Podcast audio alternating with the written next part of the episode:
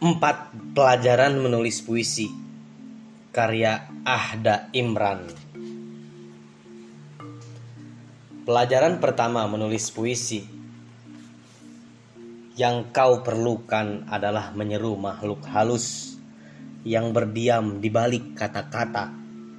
Tapi kau hanya akan mendapati kata-kata jika ia tahu kau mencarinya. Serulah dia tanpa ia mendengar suaramu. Pelajaran kedua menulis puisi. Tulis puisi dan lupakan, serupa mendatangi dan meninggalkan. Pada keduanya dunia tak tampak, kecuali serupa kelok bayang separuh batang lidi yang kau julurkan ke dalam perigi.